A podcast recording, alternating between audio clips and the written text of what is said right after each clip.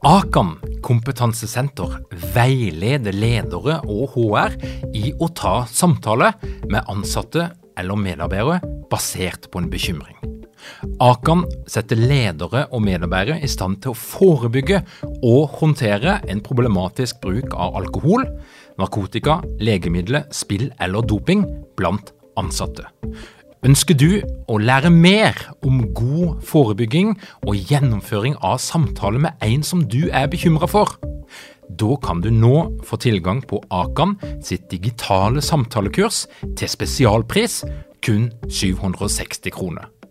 Målet med kurset er å gjøre deg tryggere i det som kan være en krevende, men viktig samtale å ta i lederrollen. Du får tilgang til kurset med å gå til samtalekurs.no, samtalekurs.no, og bruke kampanjekoden LEDERPODDEN. Tilbudet gjelder ut april.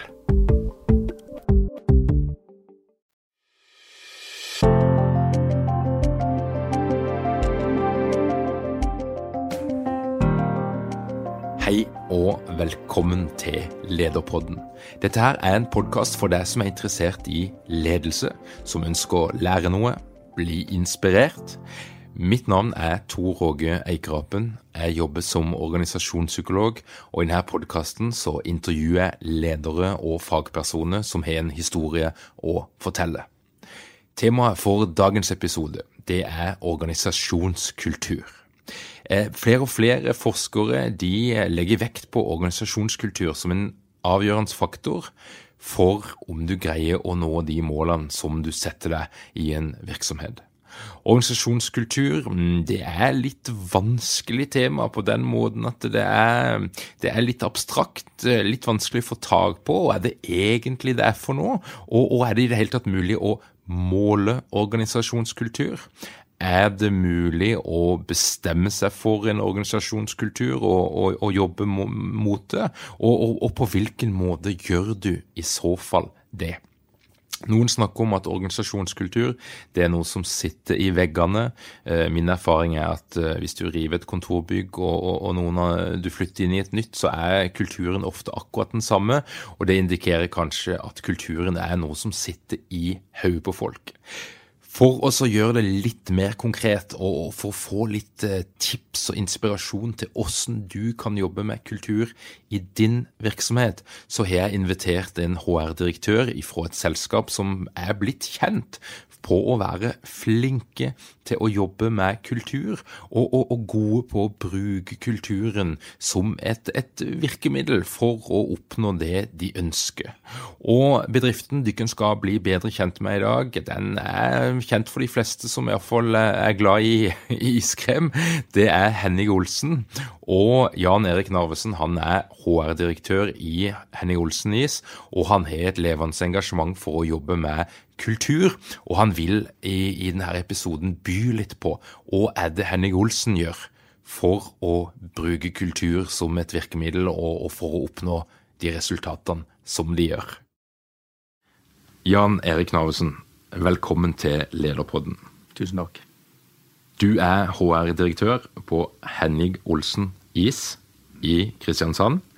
Og jeg vet at du er levende opptatt av kultur som en av flere faktorer som bidrar til at en organisasjon når de målene som en har satt seg. Og, og Kan ikke du fortelle litt? Altså, Dykken er jo en virksomhet som det er en, en, en, Du kan skille dere litt ut på mange måter. For det første så er det en familieeid virksomhet. Det er ikke så mange store merkenavn i Norge lenger som er familieeide, og som ikke er eid av et eller annet svært konsern eller noen eh, private equity-selskaper. Så, så, der er det en litt unik posisjon. Eh, noe annet som gjør dere eh, relativt unike, det er jo at dere har faktisk 51% markedsandel i Norge. Dere er altså ledende innenfor iskrem. Eh, et merkenavn som hele Norge har et forhold til. Du kan omsette for nærmere en milliard kroner. Og så er det òg en virksomhet som er blitt kjent for å ha eh, et stort mangfold. Kulturelt mangfold når det kommer til ansatte. Ansatte fra over 25 ulike nasjoner. Og dere har òg markert dere tydelig eh, når det gjelder likestilling, og har bl.a. 40% kvinnelige ledere, som i norsk sammenheng er eh, betydelig bedre enn en mange andre i klassen. Og spesielt på Sørlandet. Spesielt på Sørlandet. Her er vi dessverre ikke så gode på likestilling. Men, men, Jan Erik, kan, kan, ikke du fortelle litt? Hva, hva er det dere tenker rundt kultur? Hva, hva er kultur for, for dere? Ja, Det er et veldig godt spørsmål. Det har jeg tenkt på ofte også.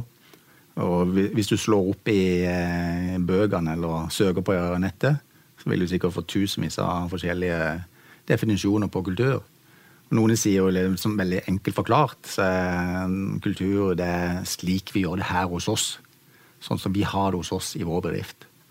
Og så kan du begynne å, å snakke om ok, hvordan har vi det her hos oss. da? Hva er det som faktisk påvirker kulturen og gjør det til et eh, forhåpentligvis eh, bra sted å være, da. Og da er det jo menneskene det handler om ofte. Det er jo eh, vi som på en måte former kulturen. Og hvis du da går enda dypere til verks, så tror jeg det handler også veldig mye om lederne i bedriften. Altså hvordan vi som ledere er med på å påvirke kulturen. Og så eh, er det jo ikke bare det som gjelder. Det er jo også, Du må jo på en måte ha, ha noen eh, retningsgivere. Og jeg tror det at hvis du skal bygge en god og funksjonell kultur, så må du også se på hva er våre grunnleggende verdier. Vi har jo eh, våre verdier som vi kaller Otto. Otto er jo eh, står for eh, offensiv, troverdig, tydelig og ordentlig. Og det er jo akronymet til vår eh, tidligere eh, industrigründer, får jeg si, Otto Henning Olsen, som etablerte bedriften, eller fabrikken, får jeg si, i 1960 ute i Hanneviga. Og som bygde opp eh, denne fabrikken til nå å bli etter hvert av Norges største og markedsleder i, i Norge, med ca. 51 så det, det, er jo litt gøy at vi kan liksom bruke Otto som en sånn kulturbærer. Han døde i 2014, var det, men han er fortsatt blant oss. Og Det sier jo òg litt om, om, kulturen. Altså verdiene våre. Hvilke verdier har vi? Hvilket verdigrunnlag har vi? Når jeg sier verdigrunnlag, så tenker jeg også på hvordan skal vi ta disse verdiene ut i det daglige?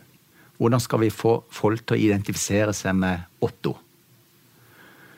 Og Da har vi sagt at eh, eh, disse verdiene det, det, er vår plattform, eller liksom det vi skal bygge, bygge bedriftskulturen på.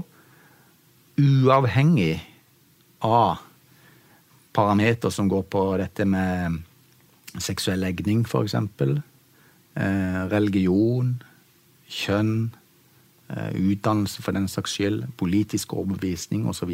Der kommer jo mangfoldet inn igjen. Det har vi vært tydelige på at eh, det er verdiene våre vi ønsker at våre eh, ansatte skal identifisere seg med. Og ikke hvor du kommer fra, hvilken bakgrunn du har, hva du stemmer politisk, eller hvilken religion du har. Men altså verdiene. Og da blir det det vi samles om og bygger kulturen på. Det er liksom utgangspunktet, tenker jeg. Og Da får jeg jo lyst til å utfordre litt. For, for um, det, det, er jo noe av det som er vanskelig med å jobbe med kultur og verdier. For det er jo ei en fin linje mellom å faktisk at sånne type ord og begreper betyr noe reelt, og at hver enkelt har et forhold til det, og altså hva betyr det for meg. Det er en fin linje mellom det og bli såkalt corporate bullshit. Altså uh, flotte begreper, men som ikke betyr noe særlig, og som en bruker i festtaler og på websider og i, i markedsføringsmateriell, men, men, men, som det er veldig få som klarer å knytte konkret atferd opp til. Og da, og da, lurer jeg litt på hvordan, hvordan greier dere å gjøre noe substansielt ut av verdiene? Eh, sånn at folk faktisk ser at det, det er en forskjell på oss og noen andre som nødvendigvis ikke har de samme verdiene. Mm, mm. Ja, altså det, det, er jo utfordrende. Det er det. For, for, hvordan skal du etterleve disse verdiene i det daglige? Da har vi også lagd noen såkalte leveregler, som på en måte eh, leder opp mot de verdiene vi har da, Otto. Og en leveregel eh, der er f.eks. at vi skal ha et miljø fritt for fordommer og rasisme. Og Det er viktig for oss fordi vi er en mangfoldsbedrift med over 25 forskjellige nasjonaliteter. Så Derfor er det en type leveregel som da er knytta til en av våre verdier. Kan godt kalle det troverdig. Ordentlig, for den saks skyld også. Eller offensiv. Eller tydelig. Altså det er knytta til våre fire verdier. Og så er det jo da om å gjøre å, å skape et miljø fritt for fordommer og rasisme. Og hvordan klarer vi det? Jo, da må vi hele tida minne oss på at eh, hvis vi møter fordommer i, i hverdagen, så må vi være flinke nok til å ta fatt i det. Og kanskje utfordre hverandre på ok, hva skjer nå? Hvorfor mener du det du mener? Og så videre, og så videre. Eller eh, som vi også har gjort, eh, vi har eh, erklært at bedriften er et, en rasismefri sone. Og da har vi jo vært tydelige på at når du kommer inn på Henning Olsnis, så er det nulltoleranse for rasisme. Og det er jo et, et, et, type tiltak som på en måte understreker betydningen av vår verdi, og som også skal på en måte være med på å prege kulturen vår. da. Og, og, og, betyr det at hvis du da er La oss si du kommer som nyansatt inn på Henning Olsen. du du er ikke helt klar over verken leveregler eller, eller, kulturen, og så kommer du frampå med noen eh, rasistiske vitser, en eller annen kommentar om at folk fra Somalia er sånn, eller Latin-Amerika er sånn. Hva er det som skjer da? Nei, altså Forhåpentligvis eh, så og jeg håper jo at det, det, som vil skje da, det er jo at eh, vedkommende vil bli utfordra på det. Og, og kanskje stilt noen spørsmål. Hva mener du med dette? Og kanskje korrigert i forhold til at eh, sånne ting, det, det er ikke ønskelig her hos oss. Men det er jo ikke alltid det som skjer. I hverdagen så, så opplever vi ulike situasjoner forskjellig. Og det er ikke alltid like gøy, eller man er, har kanskje ikke mot nok til å si ifra. Så, så, sånn sett så eh, er det jo bare det at vi, vi må minne hverandre om det, og vi som leder må gå foran med et godt eksempel og vise at eh, vi også kan utfordre på sånne ting. Når du nevner dette, så, så hadde vi eh, for en tid tilbake, ganske mange år siden, så hadde vi en person som vi ansatte, som en, ble leid inn og gjorde en kjempejobb. Eh, og vi ansatte han fast. Etter hvert så begynte det å skje noe i den avdelingen han var, hvor det jobba eh, mennesker fra ulike kulturer og nasjonaliteter. Og eh, det viste seg da, for å gjøre en lang historie kort, at han var en av de som var mest aktive i det nye nazistiske miljøet på 80-tallet. Og han hadde fortsatt sin politiske overbevisning og begynte å, å predikere det internt i avdelingen. Og, og, tok for seg da en av våre medarbeidere som kom fra et afrikansk land, og, og begynte da å, å sjikanere vedkommende. Det ble så ille til slutt at uh, han uh, sa jo derfra ifra til, til, ledelsen. Og vi måtte ta umiddelbart fatt i dette. Og, og uh, da være tydelig på at sånn type atferd det, det, er ikke ønskelig hos oss. Du kan eh, få fortsette å jobbe, han var jo fast ansatt, men da må du korrigere din atferd. Eller du kan velge å slutte.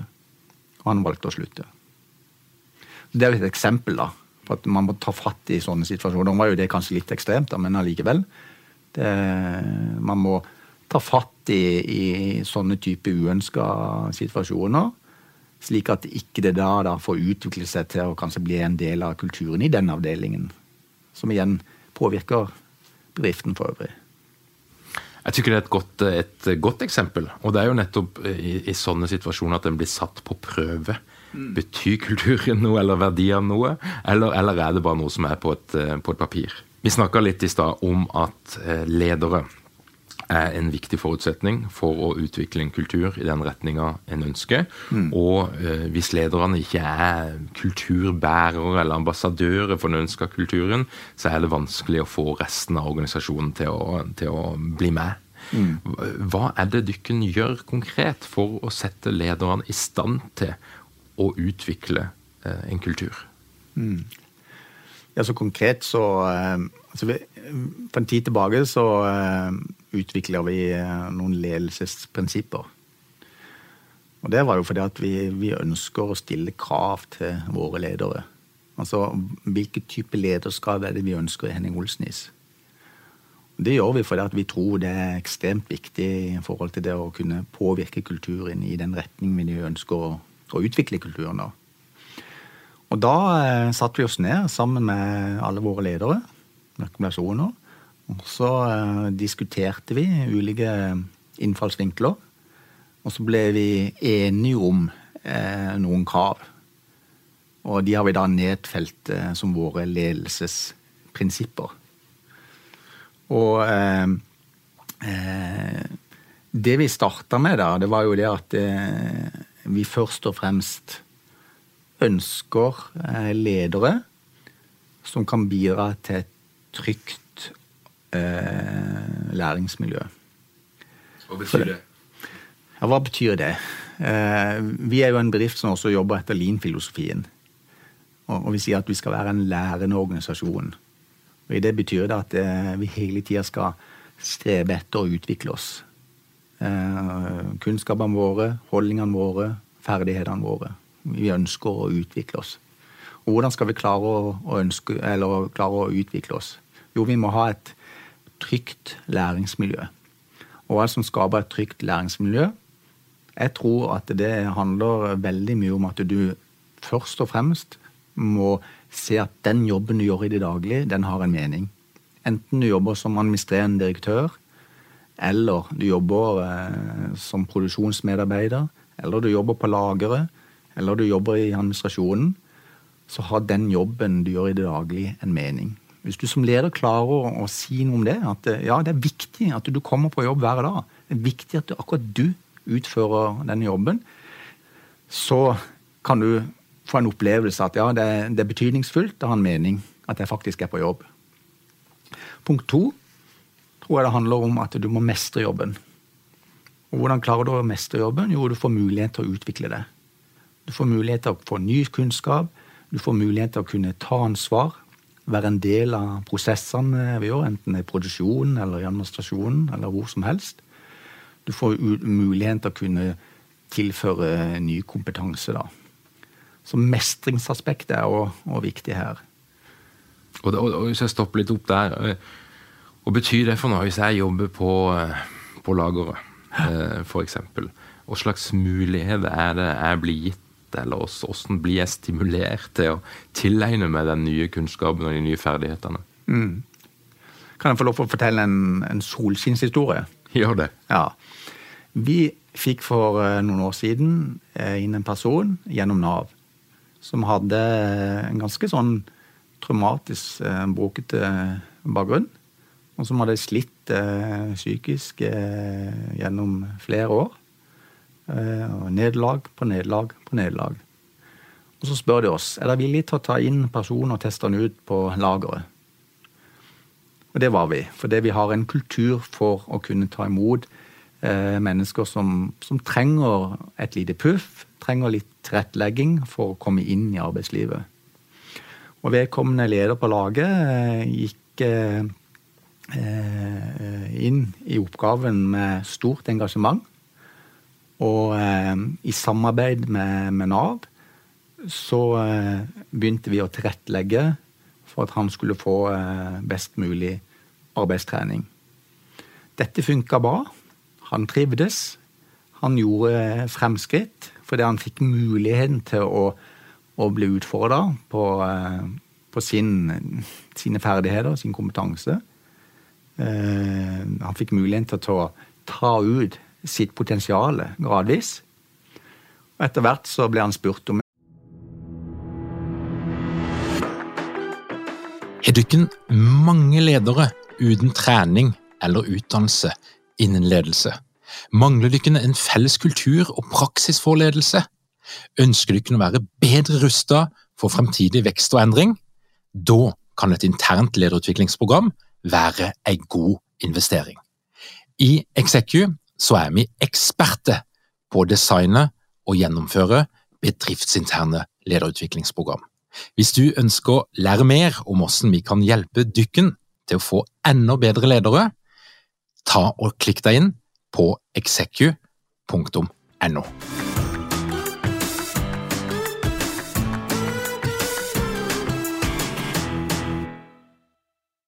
Ah, du kunne ikke tenke deg å ta fagbrev? Jo, det har han lyst til. Så begynte han på fagbrev. Eh, tok det som praksiskandidat. Og fullførte det nå eh, for eh, ja, noen måneder siden. Og fikk nå fast ansettelse. Fulltidsjobb. Så han har gått fra å være i en tilværelse hvor han nok opplevde at kanskje ingen trodde på han, opplevde masse nederlag i livet, og så fikk han en mulighet her til å utvikle seg og mestre. Har vokst på det. Det syns jeg er en så fantastisk historie. og det, Jeg blir utrolig rørt når jeg, når, jeg, når jeg, hører om sånne historier eller sånne episoder hvor, hvor folk har fått uh, muligheten til å utvikle seg. Og, og det er jo òg en, en, del av kulturen. Og hva handler det om? Jo, det handler jo om at vi, vi har mennesker eller ledere som har troen på det enkelte mennesket, og som har respekt for det enkelte mennesket, og som er villig til å bruke ressurser for å ta ut potensialet hos hver enkelt. Det høres kanskje litt sånn klisjéaktig ut, men det er veldig mye det det handler om. Skal bygge gode kulturer, så må du ha troen på mennesket. Du må ha et godt menneskesyn, og du må ha respekt for mennesket. Og Det kan vi også knytte til mangfold. altså for det vi er vi er en bedrift med så utrolig mange forskjellige mennesker. Fra så utrolig mange forskjellige kulturer. Hvis ikke du har den der grunnleggende respekten for hverandre, så funker det ikke. Jeg kan ikke sitte og tenke det at ja, muslimer de er sånn, eller homofile de er sånn, eller ja, kvinner er sånn. Så det går ikke, det. Vi ønsker ikke å ha det sånn hos oss. Vi ønsker at det skal ligge en sånn grunnleggende respekt for hverandre. Det er vi, er ikke, vi er ikke nødvendigvis der uh, i forhold til alle våre medarbeidere, men vi jobber med det hver dag. Vi må minne hverandre på om at det er viktig. Og så tror jeg, når du har på en måte klart å si noe mening, og du har klart å si noe om mestring, og folk opplever at her trives vi, det er gøy å gå på jobb, det, utgjør en forskjell å gå på jobb hver eneste dag, så vil du også få engasjement. Da blir du gjerne engasjert også i det som skjer på jobben. Og du kan bidra eh, med forbedringer, med utvikling. Og det gir jo igjen også motivasjon. Det tror jeg er kanskje noe av det viktigste fokus vi ønsker å ha for våre ledere. At de skal kunne på en måte fokusere på disse tingene. Og Hvis du da trekker inn eh, ledelsesprinsippene eh, i tillegg, så, så vil dette det i sum også være med på å påvirke kulturen, forhåpentligvis i, i en god retning, da, for å si det sånn. Dere har ledelsesprinsippet, og, og eh, dere er nokså bevisst når det gjelder hvordan kompetanse lederen skal ha. Eh, og noe dere gjør, som, som jeg er eh, blitt kjent med, det er jo at dere kjører lederutviklingsprogram. Ja. Og lederutviklingsprogram det er jo en relativt kostbar affære. Det, det krever mye tid. Det krever en del eh, ressurser. Ansatte skal, skal vekk fra jobben sin. Eh, og, og, folk velger ulik tilnærming. Noen kjører en, en litt teoretisk variant, der, der, folk sitter på skolebenken, lærer teori, leser, eh, skriver kanskje en, en, oppgave. Det er en måte å kjøre det på. En annen måte det er jo den mer prosessuelle tilnærminga, der, eh, der, du blir utfordra på egen kommunikasjonsstil, egen måte å være på, og der, der du, du dykker under overflaten på den enkelte lederen. Og, og hva er det dykken tenker rundt lederutvikling? Hva er det dykken forventer å få ut av det, og hvilke resultater er det dere ser at det gir? Um, sjøl så brenner jeg jo for lederutvikling, eller ledertrening. Jeg har jobba med dette sjøl som konsulent tidligere, og har sett uh, hvor viktig det er å, å, på en måte ha det rette fokus da. Jeg tror ikke du kan lese deg til å bli en god leder. Du kan lese all verdens litteratur. Du kan få mye innsikt, kunnskap men du blir ikke nødvendigvis en, en, god leder. Jeg har mer tro på det prosessuelle, da. Altså at du må gå igjennom en prosess hvor du da fokuserer på ferdighetene dine som leder. Og hva er de viktigste lederferdighetene? Jo, det kan f.eks. være sånne enkle ting som å faktisk lære å lytte. Eller lære å være til stede i en samtale Hvordan klarer man å være til stede hos den man samtaler med, medarbeideren forhåpentligvis? Og, og hvordan klarer man å fange opp et budskap? Og møte medarbeideren der det er. Hvordan klarer man å stille de rette spørsmålene? Ikke sant? Og eh, som du også kjenner til, Tor Åge, liksom, hvordan er dette her med egen intensjon? Ja, ikke sant? Når du møter en, en, medarbeider fra en annen kultur, hva er intensjonen ditt? Hva, hva har du med deg inn i møtet med denne medarbeideren? Det å bli bevisst det, og, og, trene på disse tingene, har jeg veldig tro på. Og så tror jeg det handler veldig mye om, og det var en var det Søren Kirkegård som en gang sa at eh, du kan ikke ta mennesker lenger enn dit du er selv. Var det ikke det? Og det er egentlig veldig bra sagt. For det at eh, hvis du skal være med på å utvikle mennesker, ja, så må du på en måte ha utvikla deg selv også. Du må ha gått en utviklingsprosess sjøl òg. Du må ha blitt kjent med deg selv også som, som, menneske.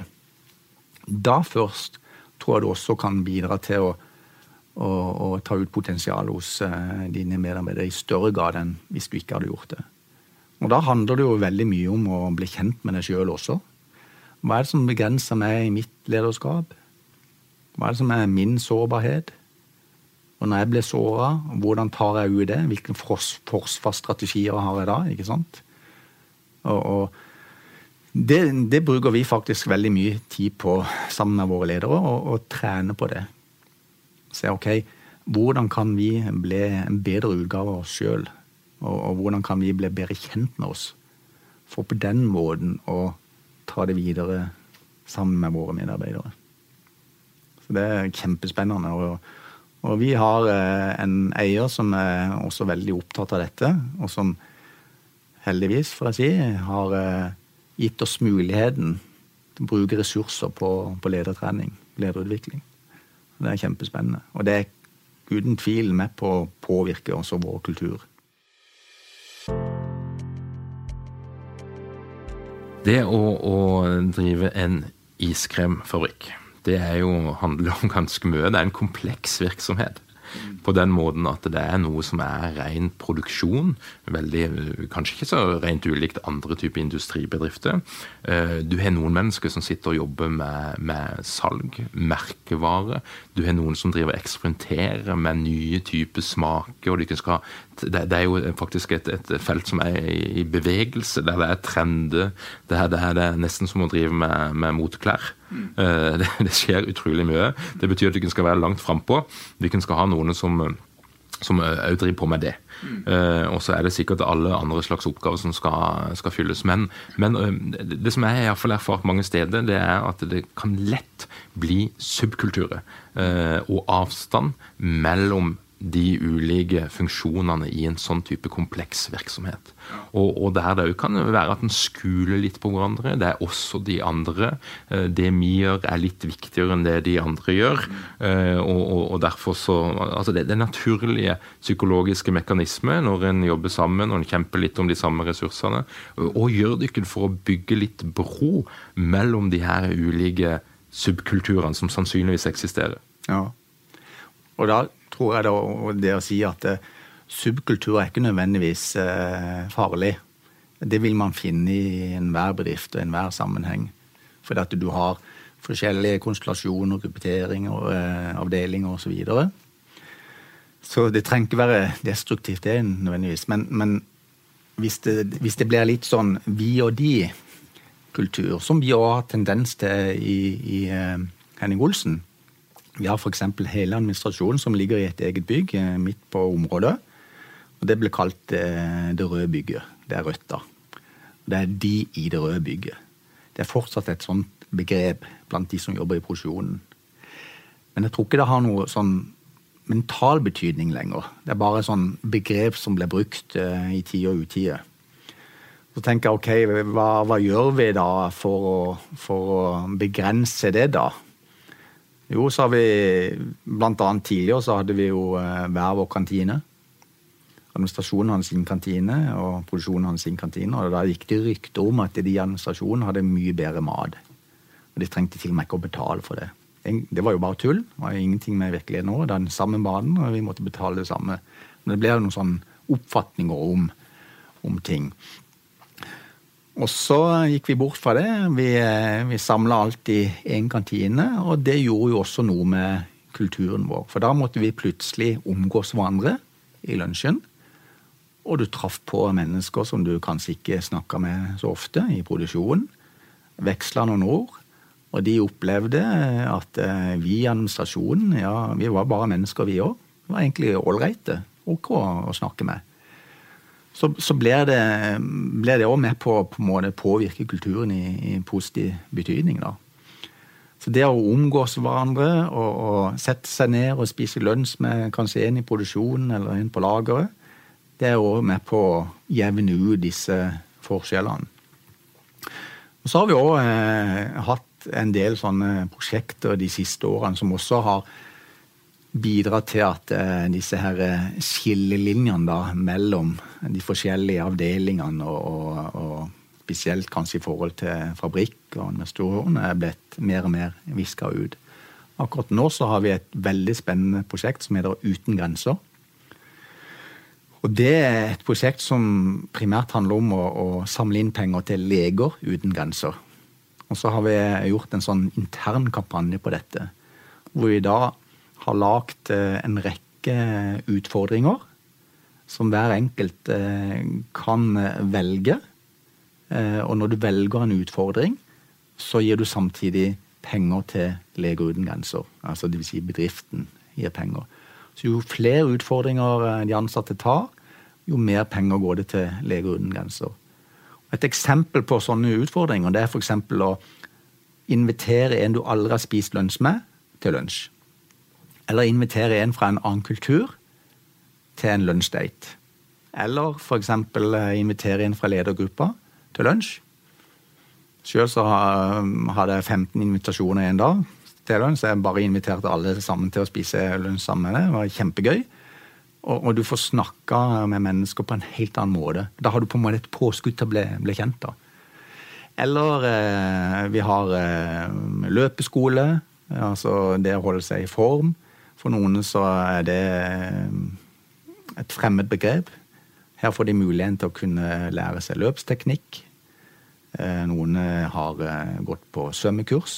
Vi har veldig mange av våre ansatte som ikke kan svømme. Vi har fått muligheten til å ta svømmekurs. Skøyteskole. Besøke et aldershjem med is. Glede andre. Altså Rett og slett komme litt ut av komfortsonen og utfordre seg sjøl. Det, det, er fantastisk spennende, for det det, da ser du at folk omgås hverandre på en helt annen måte. Og Da bryter vi ned noen av disse her barrierene, skillelinjene, mellom oss mennesker. Som ofte er basert på ja, du har en fin tittel, eller du har en flott stilling, eller Ja. De tror at ting er så mye finere og flottere enn det det egentlig er. I bunn og grunn er vi bare mennesker. Mm. Dette her er jo veldig konkret, og jeg tenker at ledere som hører på dette her, eh, bør bli nokså inspirert. For det, det, høres ut som du kan, du kan, greie faktisk å ta kulturbegrepet og gjøre det om til noe, mm. noe mer enn bare fine ord og, og, og, noe som er på et papir. Mm. Før vi avslutter, så må vi jo snakke litt om is. Ja. Vi, håper en, vi, håper jo på en, fantastisk sommer. Ja. Eh, alle som hører på dette her, de har et forhold til, til kremen av, av iskrem. Um, og, og, er det du kan ha å by på? Hva er det som er trenden, og hva er det, er det vi kommer til å se framover som, som, uh, som, er spennende? Ja, Skal jeg avsløre noen nyheter? Gjerne det. Ja. Se på det som litt reklametid. Ja, Vi kommer jo med en veldig spennende serie nå, i samarbeid med Freia. da, Eller Mondelez, som det heter nå. Hvor vi får sånn halvliters bokser med forskjellige godsaker. Oreo får vi vel. Japp. Freia melkesjokolade ja, en fem-seks, jeg husker ikke alle, da, men vi har eh, veldig store forventninger til, til den serien. Så den blir nå lansert i løpet av våren. Veldig spennende. Så er vi veldig stolt av en lansering vi hadde i fjor. Verdens første is uten kalorier. Null kalorier. Den heter Zero. Et samarbeid med Lerum. Hvor vi har utvikla en, en, saftis som eh, egentlig smaker veldig bra, men som har da null kalorier. Det var, sånn, det var jo faktisk en verdensnyhet. Det er ingen andre iskremfabrikker så vidt oss bekjent som har lagd et produkt uten kalorier tidligere. Så det er veldig mye spennende på gang. Og så er det jo sånn at eh, Eh, folk blir mer og mer opptatt av helse, kosthold.